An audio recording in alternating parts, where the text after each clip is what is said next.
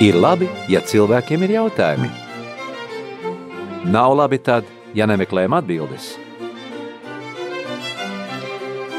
Meklē atbildes kopā ar priesteri valdi piekdienās astoņos vakarā.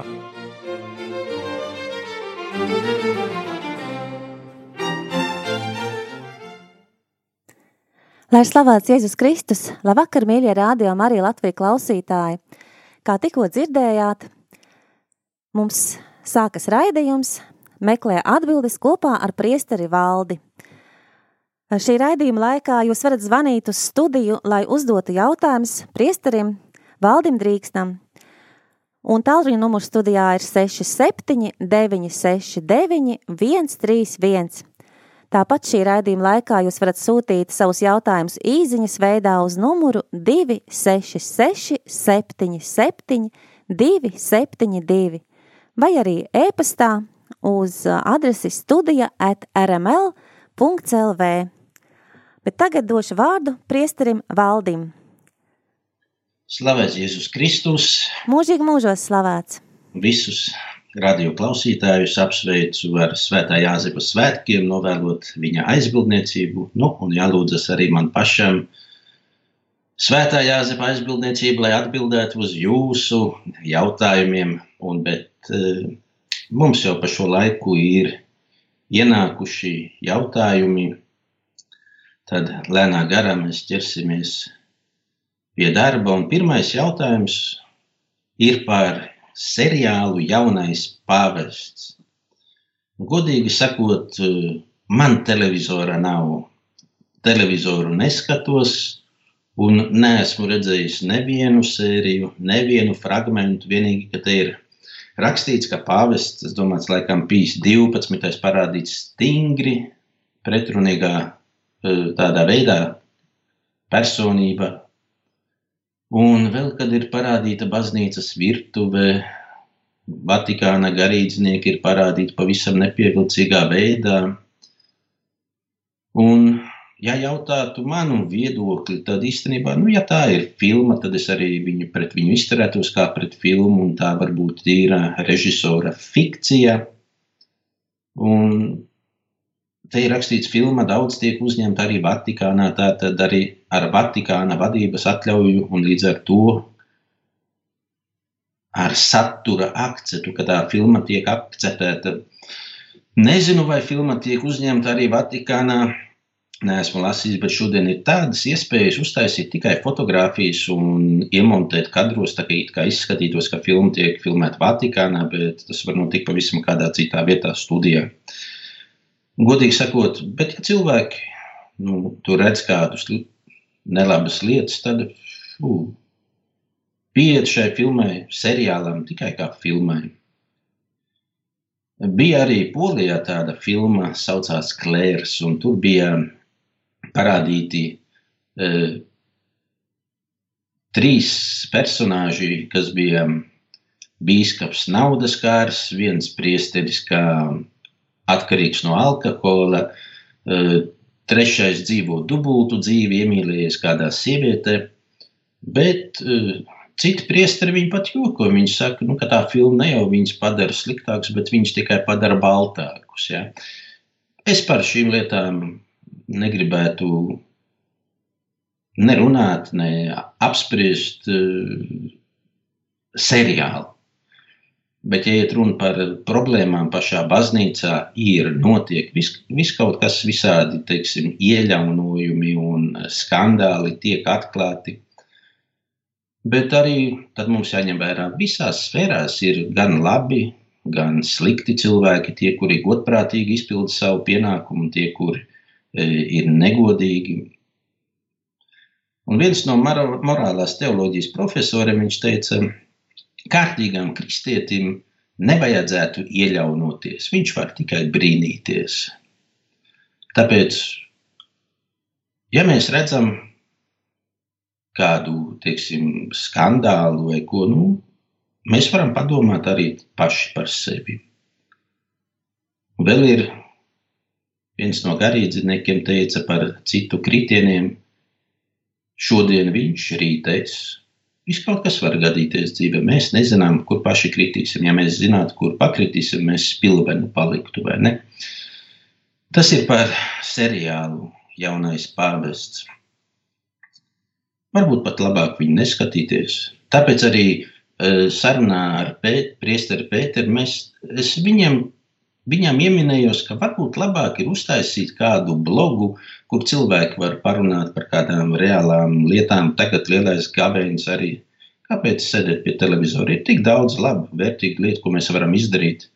Un neieļaunoties ar fikciju, vēl jau vairāk tā ir fikcija. Kāpēc mēs neieļaujamies ar filmu Rembo, kur, kur, kur tāda nenormāla nezinu, vardarbība? Ja? Nākamais jautājums ir jau par svētajiem rakstiem. Ja mēs atveram otrā ķēniņa grāmatu, otro nodaļu, no 23. līdz 25. pantam, Konteksts ir tāds, ka Elija tiek uzņemts debesīs, un viņa māceklis Elizejs iet viņam līdzi no sākuma, viņi pārēja tur Jordānu, tad viņš atgriežas atpakaļ. Viņš ir saņēmis Elija garu. Un kādā brīdī viņš dodas prom laikam no Jērikas un no viena ciemata Dotaina, ja ne, nemaldos. Un vienalga no viena ciemata izskrēja mazi puikas un viņi mēdīja nāc šurp vai nāc šurp likgalvi. Un Elīze pagriezās pret tiem puikām, nolādēja un iznāca divas. Tur ir nu, lāči, īstenībā tas ir divas lāču mātes, iznāca no meža un saplosīja 42 zēnus. Un jautājums ir, kā tas var būt, kā nostrādā lāsts un ka vecajā derībā bija jau likums aci pret aci, zobu pret zobu, un arī kā var nolēdēt, nolādēt dieva vārda, ka tās, tā atriebība ir neadekvāta, un kāds pamats bija dievām nogalināt zēnus, ja piepildīt lāstu. Un vai vispār šī epizodē Elīzejs ir vienotībā ar Dievu, vai arī viņš savu dusmu un cilvēciskā vājuma dēļ lādējās un panāk klāsta izpildi tāpēc, ka ir participācija ar ļauno garu. Uh, tāds, nu, cilvēkiem, jā, varbūt pārdomas, bet mēs dzīvojam, tad mums jāiegriežas vecajā derībā. Mēs nevaram skatīties uz eh, šo situāciju no mūsdienas, kad bet eh, mēs esam nonākuši līdz morālai vardarbībai, ka eksistē kaut kas tāds, ka vecākiem pat nebūtu tiesības iepērt bērnu, nav, tad vēl bērnu izņems no ģimenes vai vēl. Eh, vecajā derībā, ja mēs atveram radīšanas grāmatu,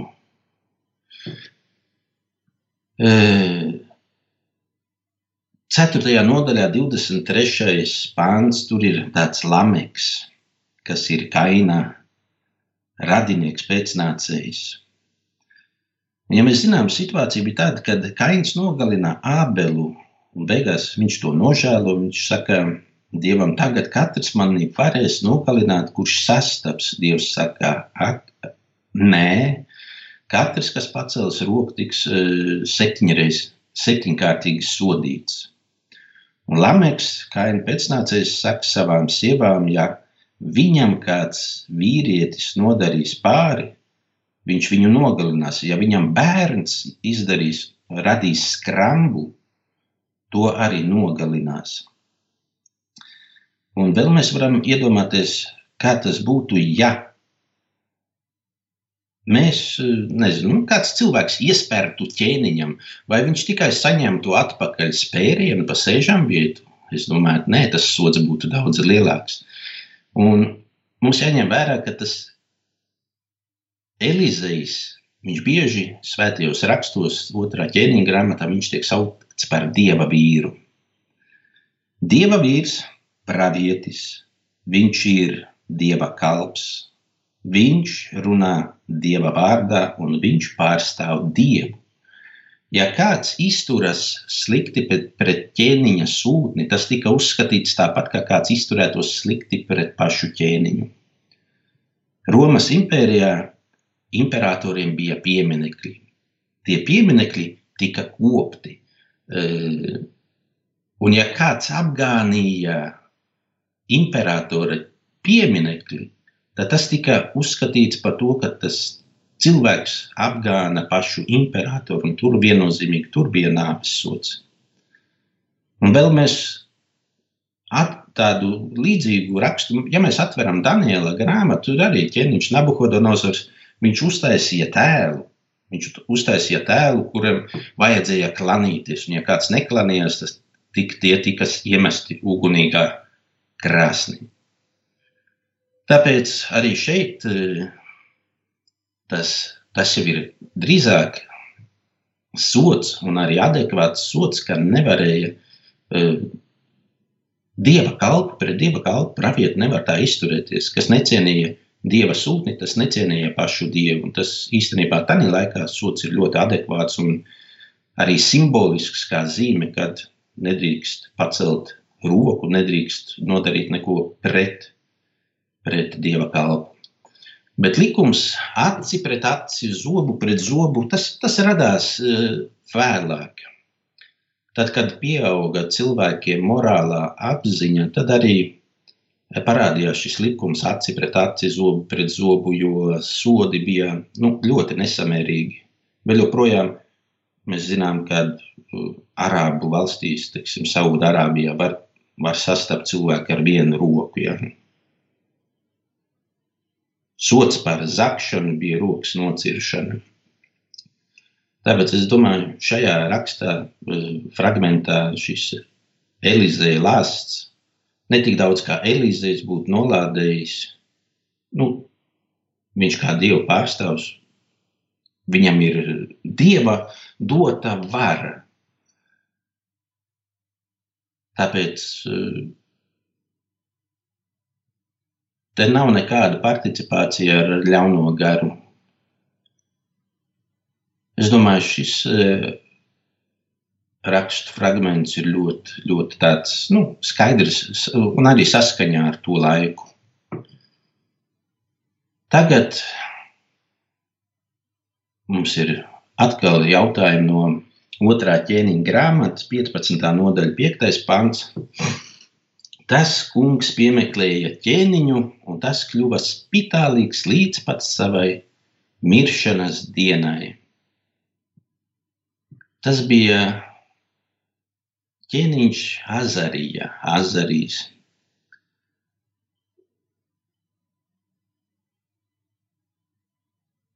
Un, ja mēs lasām īstenībā tālāk, e, tas ir piektajā pantā, ka viņš, tas ir nevis tālāk, bet e, piektajā pantā, ka viņš palika, un viņa dēls Jotams e, vadīja valsti, bet mums īstenībā jāpaskatās atpakaļ Otrā ķēniņa grāmata, 15. nodaļa, 1. pants.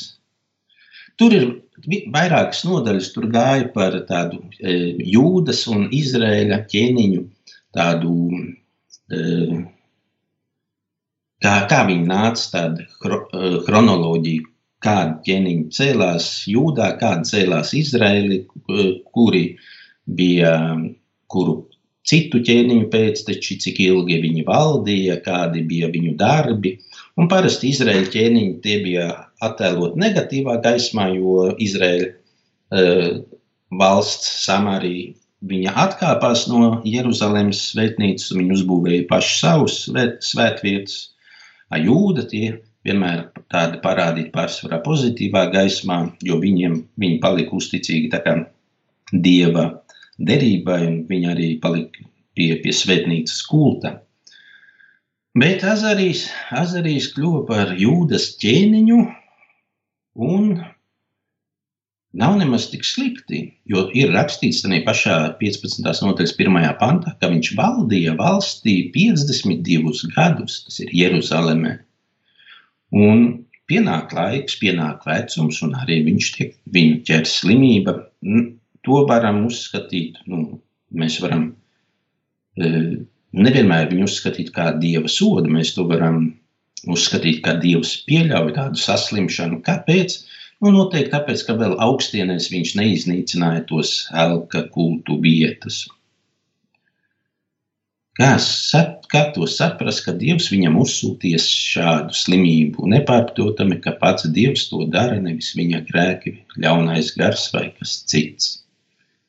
Dievs pieļauj šī gadījumā e, arī tur nepievērst uzmanību šim, jo cilvēks, ja ķēniņš valda 52 gadus, pat Dāvids 52 gadus nevaldīja, viņš valdīja īsāku laiku.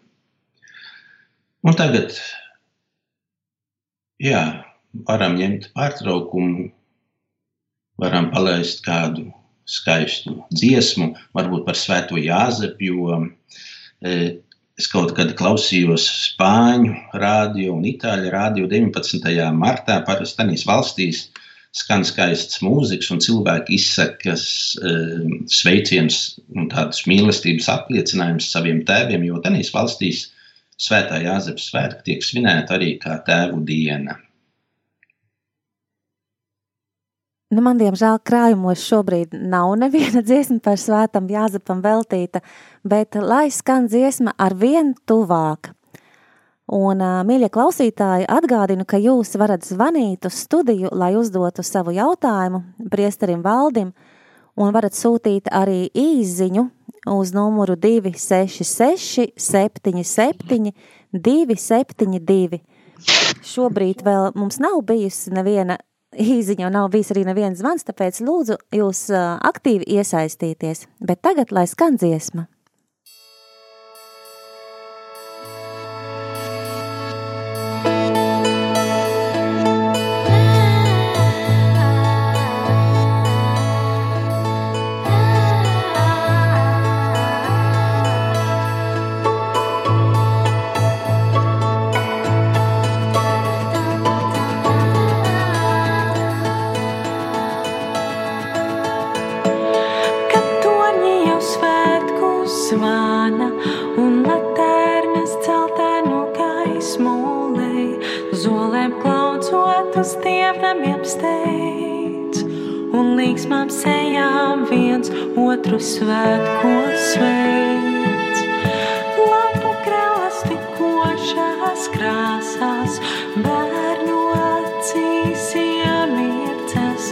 Tā vien gribas, lai apstājas laiks, kad beidzot atnācis ilgi gaidītais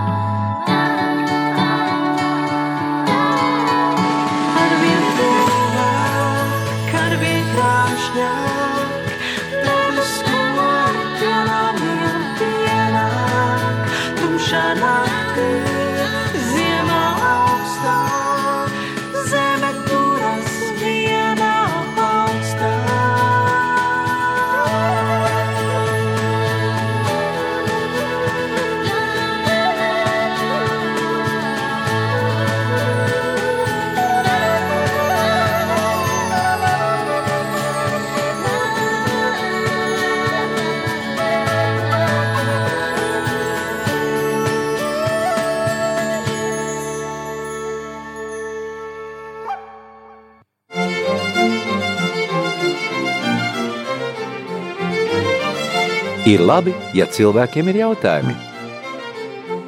Nav labi tad, ja nemeklējam atbildes. Meklē atbildes kopā ar priesteri valdi piekdienās astoņos vakarā.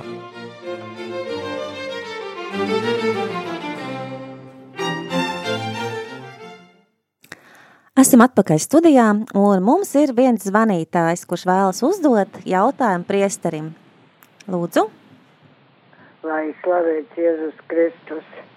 Lūdzu, man, man tāds jautājums būtu varbūt palīdzība arī man mājā ir ļaunie gari, es neesmu gulējis jau kādu gadu un netiekas no viņiem vaļā. Varbūt man varētu uz jāžat dienu kaut kādīgi palīdzēt. Es zvanīju uz baznīcu, priesterim savā baznīcā. Viņi teica, ka viņi tagad nebrauc mājās. Un es paga, tagad trīs naktīs, katru nakti man vairāk un vairāk viņi staigā pa īsta plēšu un bļauju un vaidu un visu. Nezinu, ko, kur palīdzību, lai meklē. Nu, tad pie tā paša priestera. Es nezinu, pie kā vēl var griezties, pie tuvākā. Nu, man ir dārsts ciemā iecekulis ir, es viņam piezvanīju, viņa teica, ka viņa pašlaik nebraucot. Nu, tāpēc, ka noteikti tā saucamā pandēmija, nu, ja Jā, kāds... Un, ja es tagad pagājušo nakti, piemēram, es nezmaz neesmu gulējis, un nezinu, es visu, ko es pati ar svētītu ūdeni, ūdeni visu laistīju, un, un ar sāli mazgāju, un, un ar, ar, ar, ar un dedzināju tās, tās ai, aizmirsu, un, un, un, un, un, un kādu dienu vakar vēl pāriet, un ka viņi tādā trakumā ir, ka viņi visu tā kā zāģē, tā kā ēvelē man pa to istabu. Es sapratu. Tad es jebkurā gadījumā, es, es varu tikai palūkties, bet jums jāgriežas pie draudzes priester tad. Mēs jau got, pagaidi ir iešu rītā uz baznīcu, varbūt viņi teica, šodien es tā biju apslimusi un, un vēl varbūt palūkšu. Nu, es domāju, šodien jāzibs diena, varbūt jūs kaut ko var palīdzēt. Es palūkšos, bet tad jums labāk tad meklēt egzorcistu, jā? Nu, meklēšu, pamēģiniet, lūdzu. Labi, paldies par zvanu. Paldies par jūsu jautājumu un par jūsu zvanu. Paldies jums, labu nakti. Ar Dievu. Ar Dievu. Un mums ir arī iesūtīti jautājumi īsiņu veidā. Tātad arī tie, kas jautā, kā pajautāt, nav noteikti jāsūta e-pastā, bet varat īsiņas veidā sūtīt arī. Tātad tā vēlreiz atgādināšu, ka numurs ir 266 77 272. Bet, protams, ja ir garāks jautājums, tad varat sūtīt arī e-pastā uz studija at rml.lv. Un tagad jautājums. Jautā priesterim mūsu klausītāja Vija. Es pati neticu dvēseles pārdzimšanai, bet mana kolēģe darbā tic. Ko lai es viņai atbildu? Uh, jā, man arī ir bijušas tādas eh, pārunas ar cilvēkiem, kur tic tādai reinkarnācijai, bet uh, ko viņai atbildēt? Tad, kas viņa bija iepriekšējā dzīvē? Jājautā, jā, un kāpēc tad, ja viņa runā par iepriekšējo dzīvi, vai viņa atcerās, vai, vai teiksim, tā iepriekšējā dzīve, vai tagadējā dzīve, tā ir e, sots par iepriekšējās dzīves grēkiem, vai apbalvojums. Tad kā, kā cilvēks uh, uztver to lietu? Ja? Nu, reinkarnācija nav kā tāda, nav iespējams tikai tāpēc, ka uh, dvēsele būdami nemirstīgi, viņi ir, ja no filozofijas, no antropoloģijas ņemam, viņi ir saistīti ar, ar, ar, ar, ar savu miesu. Viņi nevar būt eh, citā miesā.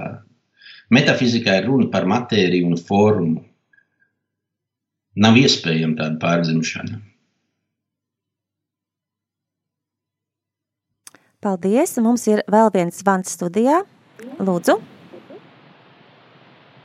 Runājiet! Labvakar! Labvakar. Slavēt Jēzus Kristus! Mūžīgi mūža slavēts. Ko es gribu teikt? Man arī televizoru nav mājās, es viņu neskatos, bet man ļoti intensīva garīgā dzīve tāpat. Bez televizora ir radioaparāti un divi un viens, nu tā. Un programmas ļoti labas, gan garīgās, gan laicīgās arī. Mēdz būt ļoti labas arī monopolā. Ļoti labi runāt cilvēkiem brīnišķīgi un svētīgi un tā. Un arī nu, tā skaitā tā. Es nešķiroju. Ir, ir, ir svētais gars gan tur, gan tur svētais gars, bet par pāvis Francisku esmu sajūsmā. Viņš ir, eh, nu, nu, nu es nezinu, nu vienkārši, nu, vienkārši brīnišķīgs pāvis un visas pēdējie pāvis, kurus es jau zinu, cik, cik neko zinu par viņiem, jo mm, agrāk mēs taču neko padomu laikos nevarējām zināt par pāvistiem. Visi ir svētie, un arī šitas būs eh, jau, un tā. At, at, pēc, kāpēc tā kungu Jēzu Kristu piekala krustā, nu ko tā viņš tādu izdarīja? Tā ka jau vienmēr jājautā, no kāda gara tas ir, kas, vai tad vajag ticēt, ka arī taču ir tādi gari tie pretinieku gari, kas eh, pretojas svētām garam, vajag lūgt vairāk svēto garu, bet ir taču pretinieku gari pilna telpa šitā mm, kosmiskā ar tiem, kā viņus sauc, šausmas, tiem gariem. Nu, un, vai tad viņi Nu jau jā, labi vienīgi mums eņģeļiem ir? arī, es domāju. Eņģeļi katram cilvēkam ir sargeņģelis un... Nu, sargeņģels ir, bet es runāju par, par to, ka baznīcu vajag aizstāvēt pāvistus. Es par pāvistu tagad runāju, ka to, kur te tikko tik, tika minēts pirmie, nu pat, ka par Francisku es taču aizstāvu. Labā, labā nozīmē to saku. Jēzus. Ne, nu tikai, ka labā nozīmē. Nu, bet, protams, nu kā. Es jau saku, kungu, Jēzus arī krustā piekala. Par ko te viņu piekala? Te viņš bija kaut ko Protams. vainīgs? Tāpēc, ka Skaidrs. pretojas, pretojas. Ne, Pāvis Franciskus ir Protams, brīnišķīgs. ka viņš Jēzus tā kā iziet no sevis, iziet no sava ego. un mēs jau lasām Pāvis Franciskus ir brīnišķīgs vienkārši. Paldies, paldies par Paldies jūsu jums, zvanu. paldies. Jā.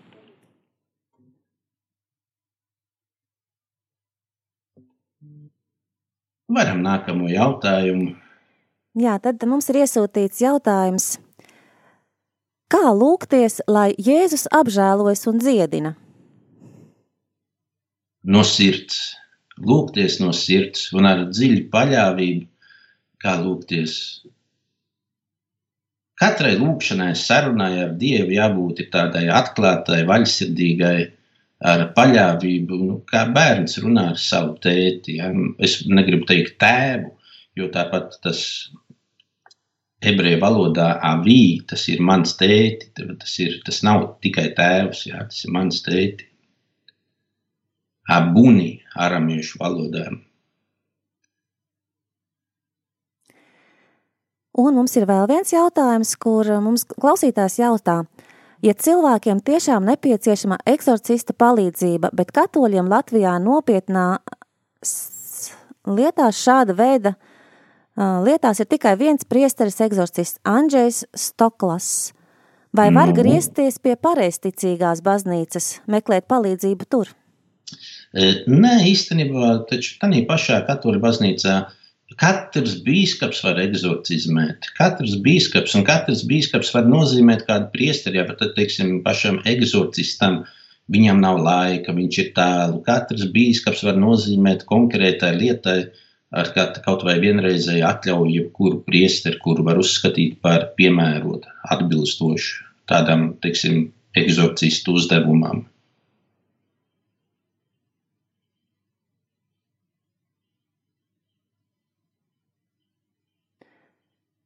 Jā, vai, šobrīd vairāk laikam jautājumu mums nā, ā, ir viens zvans studijā, tūlīt tās pacelšu. Vai slavēts Jēzus Kristus? Halo! Jā, varu runāt. Jā, varat runāt, uzdodiet jautājumu. Um, jau jautājumu. Vai jūs varētu lūdzu rādio izslēgt uz šo brīdi vai pagriezt klusāk? Nē, man radīja. Oi, oi, oi. Jā, es izslēdzu. Jā, lūdzu, jautājiet. Jā, es gribētu zināt, lai priesteri pajautātu, kas tā par, par ticību, ka Dievam tic, bet, bet Jēzum netic. Nesā tādas melnas krēlis apaklu un, un iet uz sapulcēm. Kas tā par ticību būtu? Uz kādām sapulcēm iet?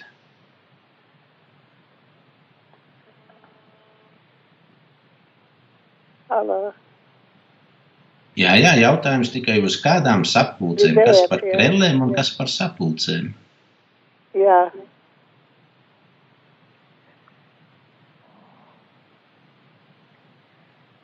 Nu, laikam mums nav īsti skaidrs šis jautājums, jo vienkārši laikam neesam saskārušies ar tādu situāciju nekur citur. E, Jā, ticēt dievam, nesāt krēslus, iet uz sapulcēm, bet to vajag precizēt. Kādam dievam, kādas krēslas un kas par sapulcēm. Nē, nu, nu, svētos rakstus arī e, veco derību lasa.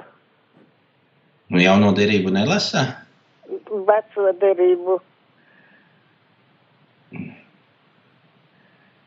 Ja veco derību tikai lasa, tad vecā derība ir jūdiem.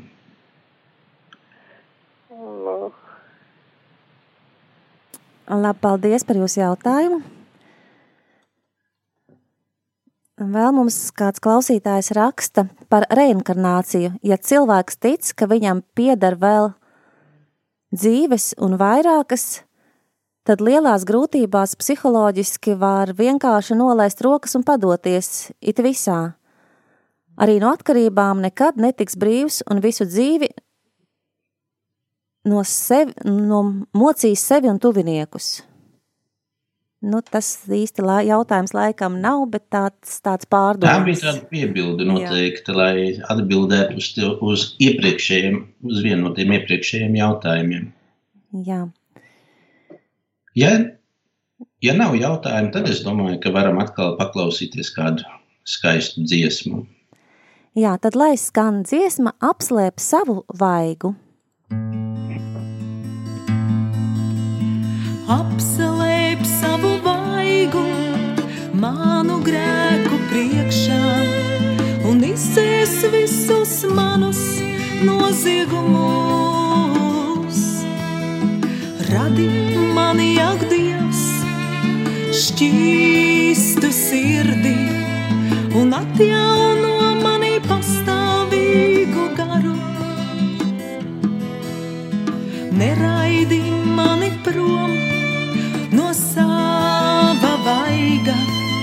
un neatņem no manis savu svēto garu. Atdod man atkal atpakaļ savu pestīšanas prieku un stiprini mani ar paklausības garu. Atdod man atkal savu pestīšanas prieku un stiprini mani ar paklausības garu.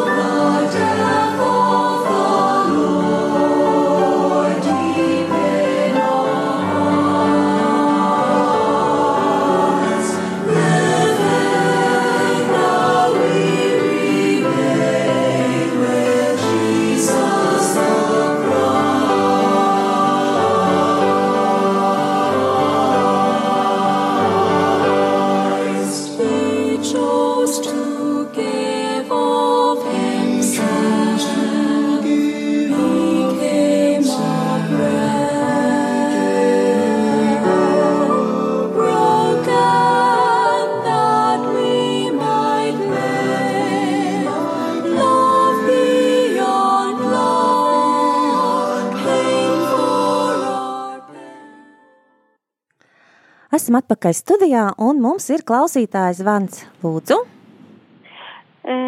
Tā ir tāds jautājums, tagad jau ir, tā kā moderni, ir ģimene laulājušies, ir vīrs sieva, un tagad vīrs noklīst, viņš aiziet pie citas sievietes, dzīvo ar viņu, piedzīvo bērnu.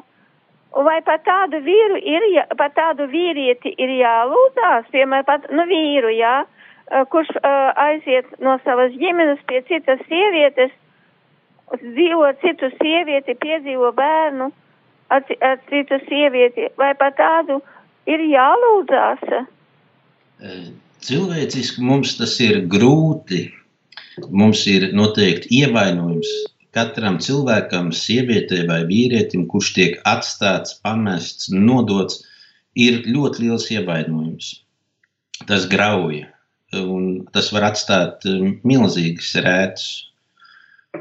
Bet jālūdzas vienalga ir kaut vai par tā cilvēka atgriešanos pie Dieva, kaut vai lai, lai viņš tiktu pestīts. Ja? Lūdzieties par tiem, kas jūs vajā, lūdzieties par saviem ienaidniekiem, kur vēl par bijušo vīru vai sievu, kas mūs ir atstājuši vai pametuši.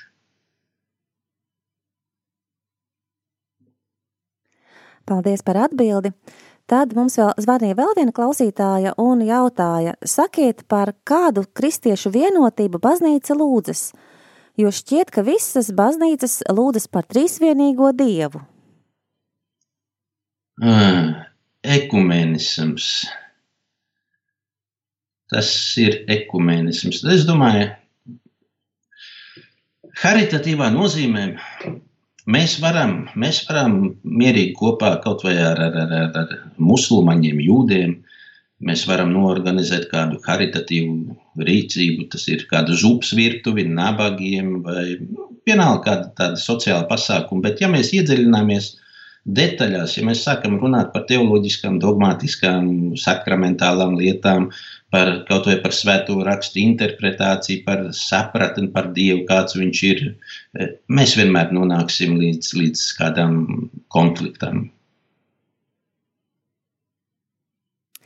Tad mums vēl ir jautājums. Bībelē sirds nozīmē cilvēka dvēseles dziļumus, kur viņš ir kopā ar Dievu, nevis asinsrites orgānu. Kā, iz, Protams, kā izprast Jēzus sirds svētbildes un litāniju?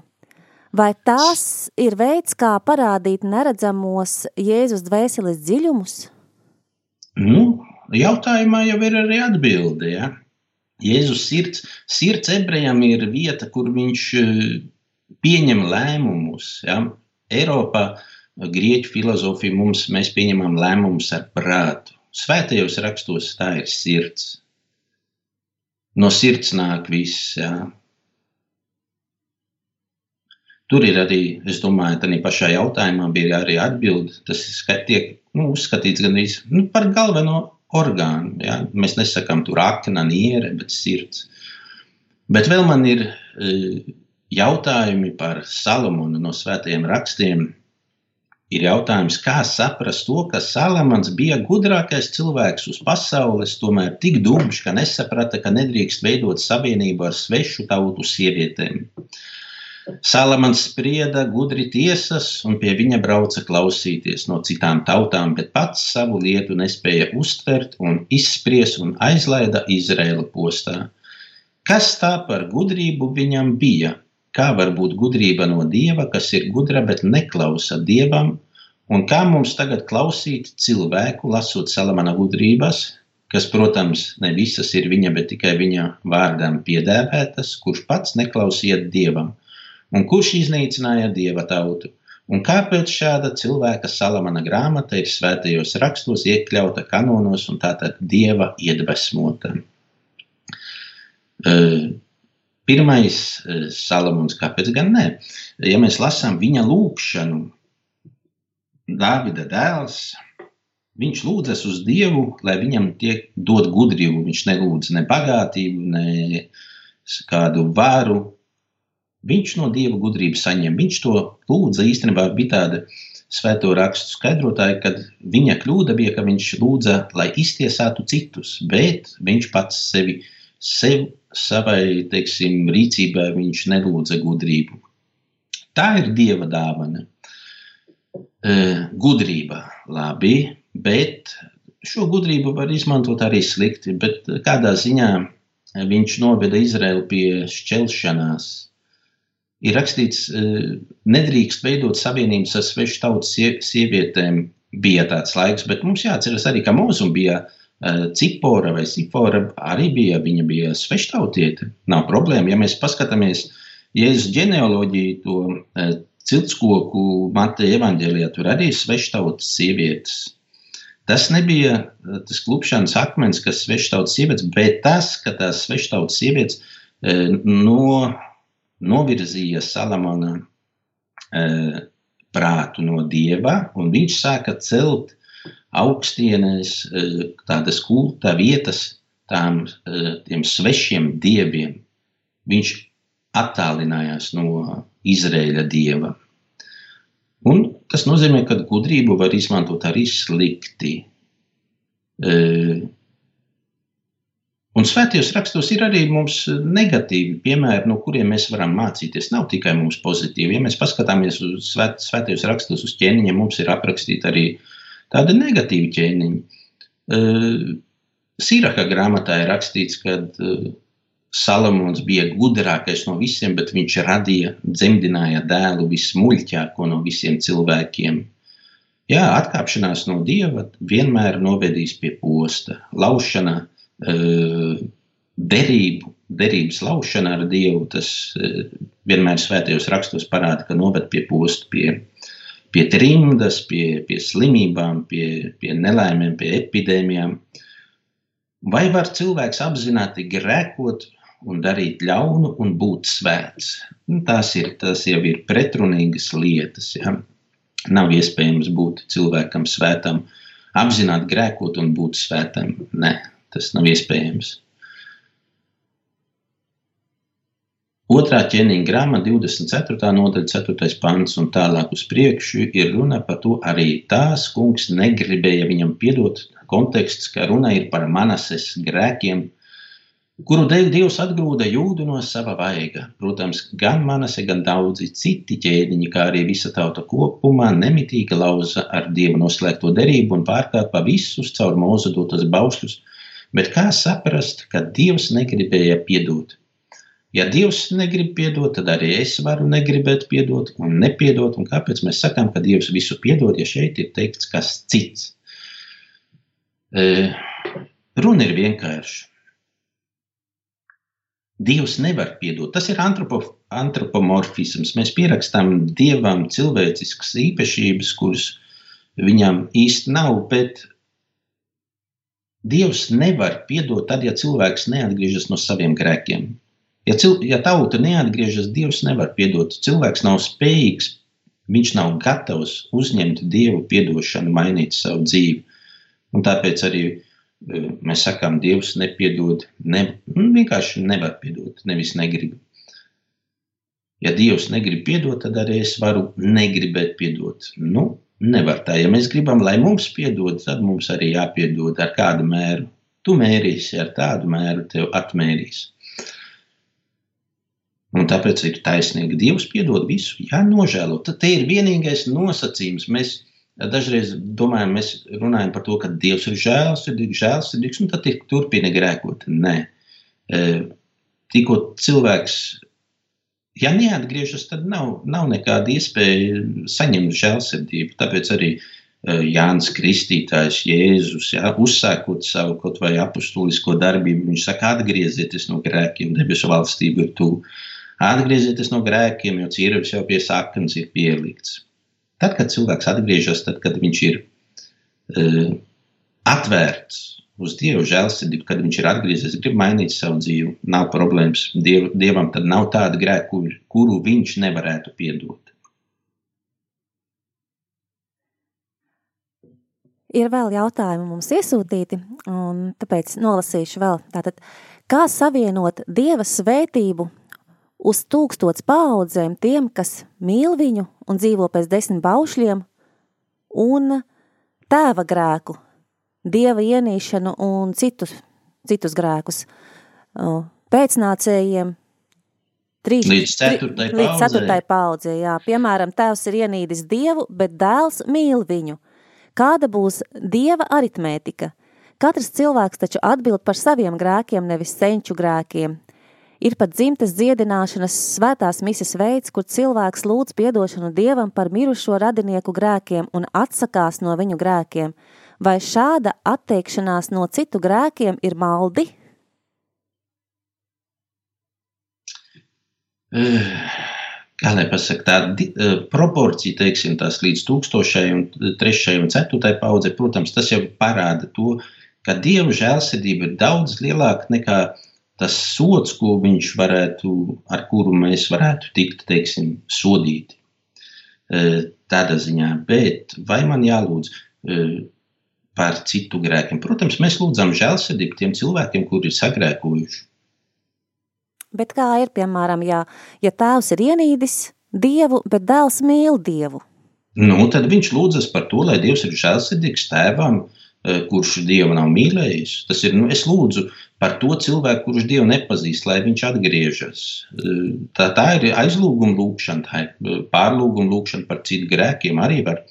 Jo mēs taču arī eh, ir liela svēta, kad mēs varam saņemt atlaides par, mēs, eh, par saviem grēkiem, tad, kad mēs izpildām tos eh, nosacījumus, jā, atlaidās. Vai arī mēs to varam, eh, tad, kad mēs esam Dieva žēlsirdības stāvoklī. Un mēs arī tās atlaides varam lūgt eh, mirušajiem, lai viņiem tie grēki tiek piedoti. Makabiešu grāmatā arī ir raksts par to, ka mēs, eh, kad jūda aizsūtīja uz Jeruzalem eh, upuri par tiem karavīriem, kas nokrita un pie kuriem atrada alga dievu eh, statujas. Tas ir lūkšana par citu grēkiem, lai viņi tiktu piedoti. Un vai dēlam būs jāatbild par tēva grēkiem vai nē? Tas drīzāk var būt tāds jautājums par šo dzimtas zie- dziedināšanu, vai tas vispār ir vajadzīgs, ja es esmu ticīgs un es pildu visus dievu baušļus, vai man, vai mani dievs vienalga sodīs par manu ā, Par vecvecāku tēva grēkiem? grēkiem nekādā gadījumā. Ezekiela grāmatā pat ir rakstīts, ka dēls atbildēs par saviem grēkiem, un tēvs atbildēs par saviem grēkiem. Kad tēvs neatbildēs par dēla grēkiem, un dēls neatbildēs par tēva grēkiem. Bija tas teiciens, kad tēva ēd eh, skābes vīnogus un dēliem nolobījās zobi.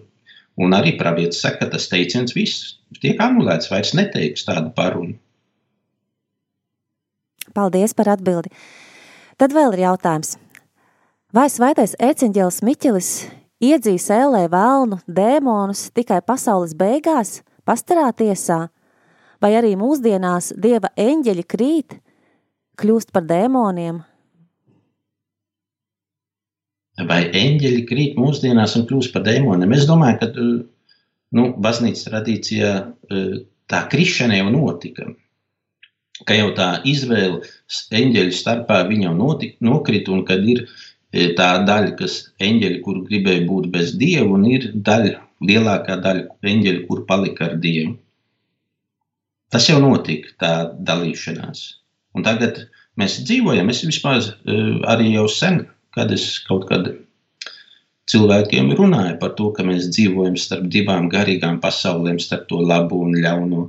Ka ir, ir tā neredzamā labā pasaule, ir mums eņģeļi, sargeņģeļi, un ir arī tā ļaunā, ļaunā garīgā pasaule, dēmoni, kur arī savā ziņā mūs ietekmē un cenšas mūs no dieva attālināt. Un, un tas tā jautājuma pirmā daļa, ja pirmais jautājums par ērciņģeli Miķeli, vai viņš iedzīs ēlē dēmonus tikai pasaules beigās pastarā tiesā? Nu, tā vismaz ir rakstīts apakālijas atklāsmes grāmatā, kad vēl tas notiks, kad vēl tas nav noticis. Paldies! Tā, tad vēl mums ir par piedošanu. Kā lai piedod cilvēkam, kas darīdams sāpīgi smagas lietas un apzināti, bet nenožēlo tās? Kā lai piedod? Nu, ja mums ar to cilvēku nav jādzīvo kopā, vai jābūt tūmā un jāsatiekas, protams, tad mums ir viegli piedot, mums tas cilvēks netraucē. Bet, ja tev kāds cilvēks nepārtraukti, teiksim, dara, dara pāri, piedot ir, nu, tur ir nepārtraukti jāpiedod un jālūdzas par to cilvēku, jā, par atgriešanos. Nu, tas ir dramatisks. eh, Tas ir dramatisks moments katra cilvēka dzīvē. Es domāju, un te mums vienīgi ir piemērs eh, Svētā Monika. Ja? Ne, jau, ne tikai par to, ka viņa lūdzās nepārtraukti par, par, par, par Augustīnu atgriešanos, bet viņai arī mājās ar vīru bija problēmas, kurš, ja esat skatījušies filmu, ja, kad vīrs ir neusticīgs un varbūt pat dara pāri, eh, tur ir, nu, tur ir vajadzīga liela izturība, pacietība, lēnprātība. Nu, Un, nu, grūti man iztēloties tādu situāciju, kad mūsdienās ir cilvēki, kur to var izturēt, izdarīt, paciest. Fuh, smagi. Par tiem cilvēkiem var tikai palūkties, lai viņi iztur līdz galam. Un vēl jautājums. Ja cilvēks bijis uz hipnozes seansu, lai nedzertu, kādas tam var būt sekas garīgajā jomā? Uztraucos par tuvinieku. Hipnoze. Nu, hipnoze psiholoģijā ir hipnoze, ja, kad tiek, kad tiek mēģināts iedarboties uz cilvēku caur hipnozi. Hipnoze no psihologa viedokļa, kamēr mēs mācījāmies vismaz to pašu pastorālo hipnozi, viena tā psihoterapeuta, viena Viņa teica, ka var gadīties, ka no hipnozes var neiziet pa īstam līdz galam. Tā ir tā bīstamība. Bet no garīgā viedokļa grūti man pateikt. Nu, un tad šovakar pēdējais jautājums, jo pulkstenis jau ir gandrīz bez piecām minūtēm deviņa vakarā, un tad pēdējais klausītāja jautājums ir šāds. Kāpēc baznīcā vairs nedzird par dieva sodu, paradīzi, elli? Nu, kāpēc nedzirdēs? Taču tagad, tikko šodien pat es runāju, ka ir, ir tas, ka Dievs sodīs. Ja? Nu, nu, labi, tās ticības patiesības, viņas varbūt tiek maz aizskartas. Ja? Mums varbūt no vienas puses likas tas pārāk pašsaprotams, ka par to nevajag runāt. Bet vajag, vajag cilvēkiem atgādināt, ka ir, ir tāda lieta, ja, kad um, dzīvojot šo laicīgo dzīvi, mums viņa beigsies, un kaut kad mēs nonāksim mūžībā, ja tikai kādā. Ir vērts atgādināt, jā, tiešām cilvēkiem par to, ka elle eksistē, jo tā ir, tas, tas ir stāvoklis bez dieva. Un, un tāpēc es arī pirmīt minēju par to piedošanu, ja, ka dievs negrib piedot vai nevar piedot. Nevaram tikai runāt par dieva žēlsirdību. Ja.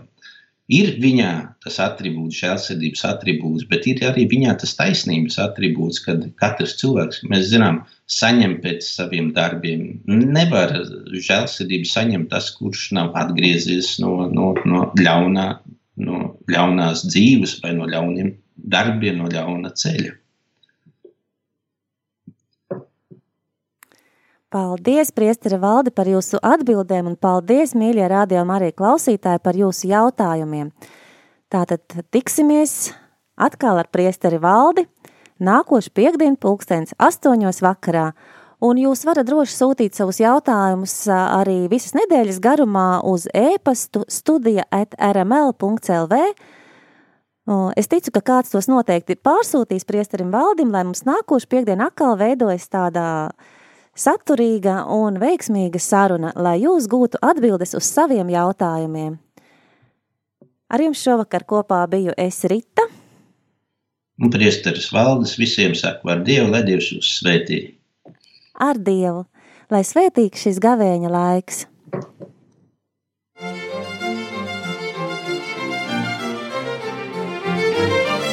Ir labi, ja cilvēkiem ir jautājumi. Nav labi tad, ja nemeklējam atbildes. Meklē atbildes kopā ar priesteri valdi piekdienās astoņos vakarā.